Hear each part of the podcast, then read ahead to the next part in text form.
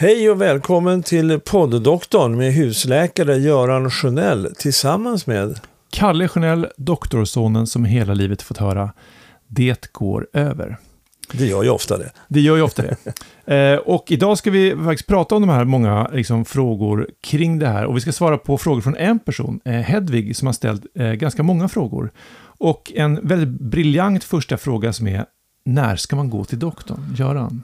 Ja, det är en fråga som många ställer sig och eh, jag kan svara på det väldigt enkelt. Jo, när oron över symptom eller illamående som man har, man alltså inte, känner sig inte frisk, när det har kommit till det stadiet att man inte kan reda ut det själv eller tillsammans med nära anhöriga eller till exempel med, med den äldre generationen, man får råd och tips av mormor eller farmor, ja då ska man söka sjukvården. Ja. Så enkelt är det. Ja, och då är det många som säger, jaha, ska man söka för precis vad som helst jämt och ständigt? Det är ju onödiga läkarbesök. Ja, vem är det som har myntat uttrycket onödiga läkarbesök? Jo, det är sjukvården själv. Ja. Och sjukvården är på det här sättet, när man säger så om onödiga läkarbesök, då är man alltså arrogant och man är oempatisk och man uppför sig helt enkelt illa mot människor därför att människor eh, kan inte skilja på nödigt eller onödigt läkarbesök. Nej, det är faktiskt doktorns uppgift. Ja, och patienten har rätt att söka när man inte mår bra. Och Ja. det, det är svaret på frågan. När ska man gå till doktorn? Jo, när man inte mår bra. Mycket, mycket bra svar tycker jag. Eh, här är också mycket bra. Vilka symptom ska man vara uppmärksam på om man är över 50? Eh, för både män och kvinnor. Ja, det, det är väl igen, svaret är där också att det handlar om hur man mår. Jag tycker att det är viktigt att påpeka att man börjar komma uppåt 50, 60, 70 års åldern, då ska man vara, vara lite mer noggrann med att känna efter i kroppen och känna om det händer någonting, för då ska man söka om det om någonting som har förändrat sig. Ja. Och det gäller både män och kvinnor.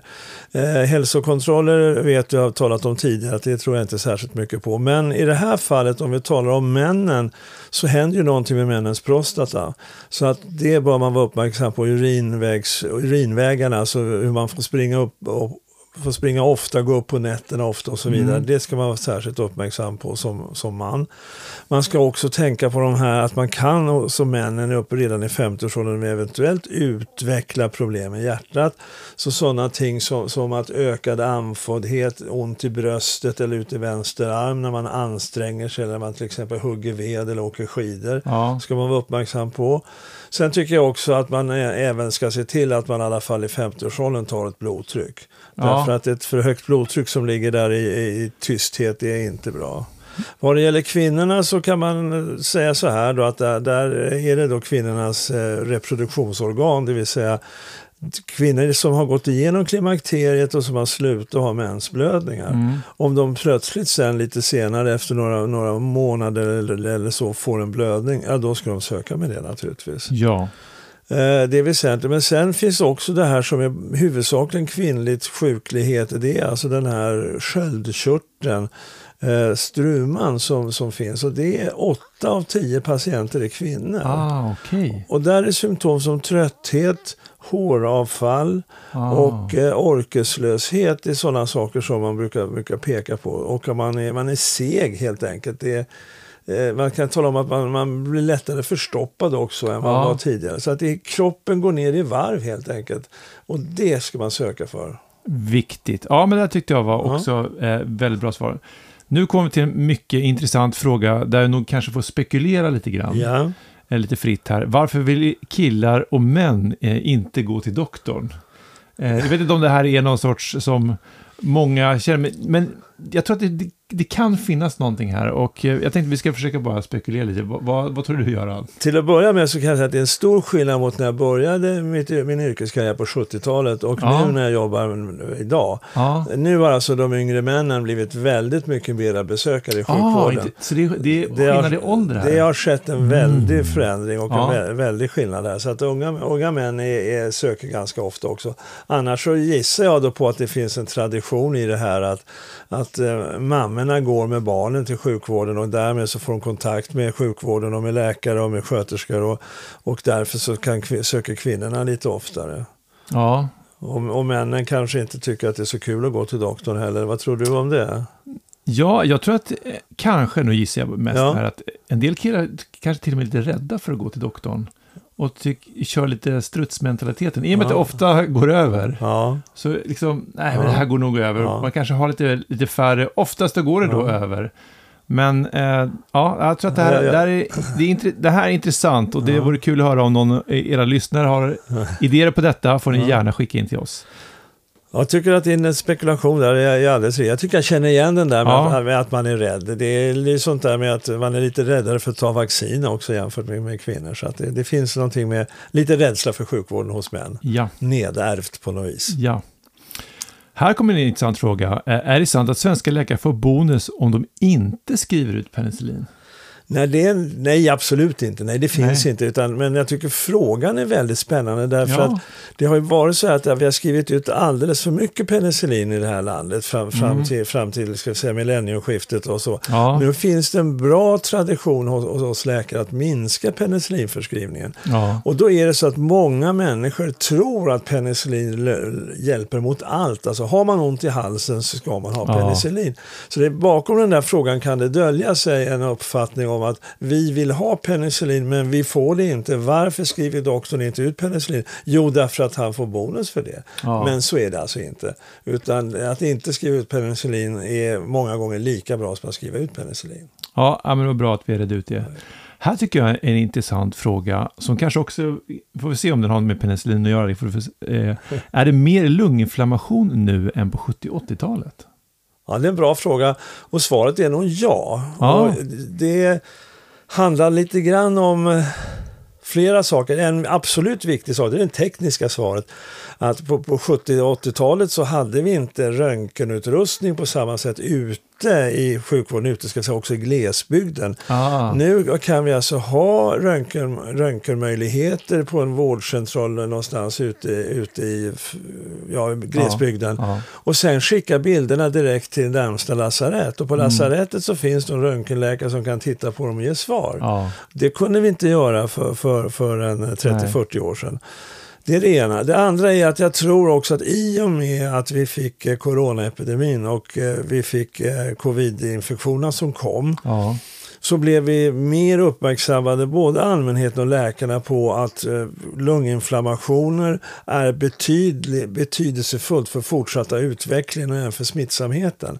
Så att vi kommer att röntga och undersöka mer. Ah, eh, För, för att det fanns nu en indikation som var viktig, nämligen att eh, vi måste hitta lunginflammationen hos covid-patienterna för det påverkar vården och behandlingen. Mycket intressant. Så svaret är nog alldeles riktigt. Ja, det är, men jag vill lägga till, jag tror inte, det är spekulation, jag tror inte att vi så att säga, procentuellt sett har fått fler lunginflammationer i vår befolkning nu än för 40 år sedan. Nej, utan vi har ställt mer diagnoser och då har Ah. diagnoserna framförallt ställts på mindre allvarliga lunginflammationer. just det. Sådana som framförallt med virus och så ja, går över av sig själv. Ja. Men de har nu blivit eh, avfotograferade på röntgen och då, Ja. det, du har sett, du har inte hosta, du har lunginflammation. Precis, men den har gått över för det var inte Just så det, allvarligt. Exakt, så tror jag det är. Ja, men mycket spännande. Ja. Eh, nästa fråga är också väldigt intressant. Eh, hur bemöter man bäst en hypokondriker som känner sig jättesjuk vid minsta feber? ja, mitt svar är ju självklart. Ja, Man söker, man söker läkare. ja, Det är man, man får inte ge sig till att använda sådana här nedlåtande begrepp om människor säger att du är hypokondriker, du söker för allting. mm. Därför att vad är det för någonting där? Jo, det är en oro hos patienten, hos människan, för vad kan det vara för någonting jag drabbas av? Och då måste man reda ut det. ja. Men kanske frågan mer är ställd där till hur man som, som anhörig Ja. ska bete sig. Och du som anhörig, hur skulle du tänka dig att bete dig? Ja, jag har ju eh, gift med, med en hypokondriker light, skulle jag vilja säga. eh, och där är, är ibland är det mer om att liksom, prata om sin hälsa mer i, ett, i en relation. Och då tror jag att då handlar det mer om att bemöta den, ja men kanske lite mer med, liksom, med sunt förnuft. Men jag tror också det här att om det liksom pågår länge om, om samma sak, då är det liksom, nej men det kan ju inte jag svara på. Nej. Jag vet att du vill ha ett, liksom, jag ska liksom, eh, säga att det inte är någonting. Men Ja. det kan man ju inte göra som anhörig Nej. och ska heller inte ta det ansvaret. Nej. Då ska man gå till doktorn. Ja.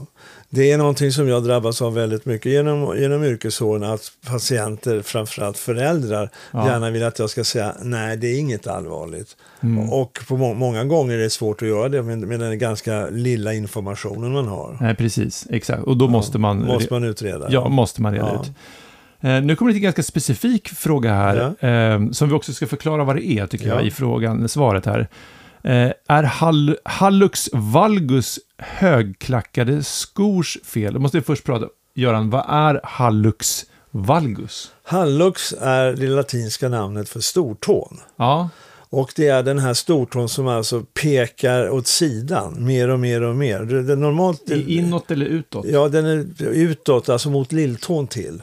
Ja, inåt då. Ja, inåt. Du kallar Ja, det för inåt. ja. Vi säger, vi säger den, den, den strävar, den strävar, den övre delen av stortån strävar till att komma bort och säga god dag till lilltån. Ja, fattar, fattar. Ja, och det är ju naturligtvis så att då, då, vet man det att eh, spetsskor, alltså dansöser som, som även män dan, som dansar med spetsskor på, Ja. på tå, Ja. de har en ökad, en ökad frekvens av hallux valgus. Ah, okej. Så att, och även, även alltså smala spetsiga skor, typ alltså gå i högklackat, är också förenat med ökad eh, andel. Men vi ska inte glömma bort att det här är också en åkomma som inte har med skor att göra alls. Visserligen är det så att eh, grupper av människor i vår värld som går utan skor, Mm de har väldigt, de har väldigt mi- mindre ofta så har de hallux valgus problem. Ja. Men de har det. Och dessutom så är det en gammal sjukdom för den finns alltså avbildad redan på, på, på freskerna inne i pyramiderna. Så att man vet att människor för 4000 år sedan hade problem med hallux valgus också. Ah, okej. Så att det är en, det är en åkomma som, som är genuin. Men man kan alltså skynda på den, man kan alltså öka sjukligheten i den genom att trycka tån utåt eller inåt, men åt lilltåsidan. Ja, fattar, fattar. Eh, och nu, och nu så avslutande fråga är det en så kallad trendfråga här. Ja, vi tar trendfrågor Ja. också. Är kallbad verkligen så bra som eh, inom citationstecken alla påstår?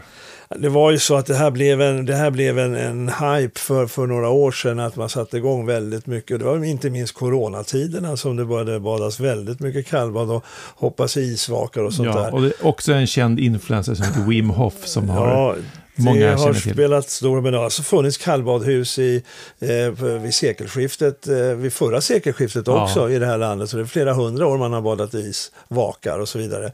Och, till min stor, och jag är naturligtvis själv, som inte tror särskilt mycket på alla de här hälsotjosan som Ja. finns. Jag blev ju väldigt glad nu för någon vecka sedan när den här stora svenska studien kom som visar att nej, har ingen som helst hälsoförbättrande effekt. Ja, och var väl Det är genomförd? en väl genomförd och väl gjord studie som, som bekräftar det som finns också i en del andra studier och som det är också hur ska man kunna hitta något fysiologiskt som skulle vara orsaken till det här. Ja. Det, det finns i och för sig studier som är från Finland att det är bra att bada bastu i Finland. Men de är gjorda av finska kollegor och de är inte särskilt välgjorda annat än att Hoa, det är fint att bada bastu. Jo, men man kan väl också säga att eh, lite grann som ute och springa, alltså det har säkert också, man känner att man mår bra, alltså endorfin eh, Ja. släppet när man liksom, Ja, om, måste ju vara ganska, det Om- gör att man känner att det ja, gör om, någonting. om man känner att det, att det känns bra så ska man väl göra. Men vi som inte känner att det är något bra att hoppa i isvaken, vi behöver inte göra det heller. Nej, det är fullt frivilligt med isbad kan vi säga. Det kan vi säga. Eh, Absolut. och det har ingen eh, medicinsk effekt, Nej, annat än en psykologisk effekt. just det. Härligt, wow, då Hedvig, nu har vi svarat på alla dina frågor. Så tack för oss på, doktorn. Ja, och har du fler frågor bara skicka in dem. Det har du Ja. säkert. Alla möjliga får skicka in, vi besvarar dem i turordning. Tack och hej!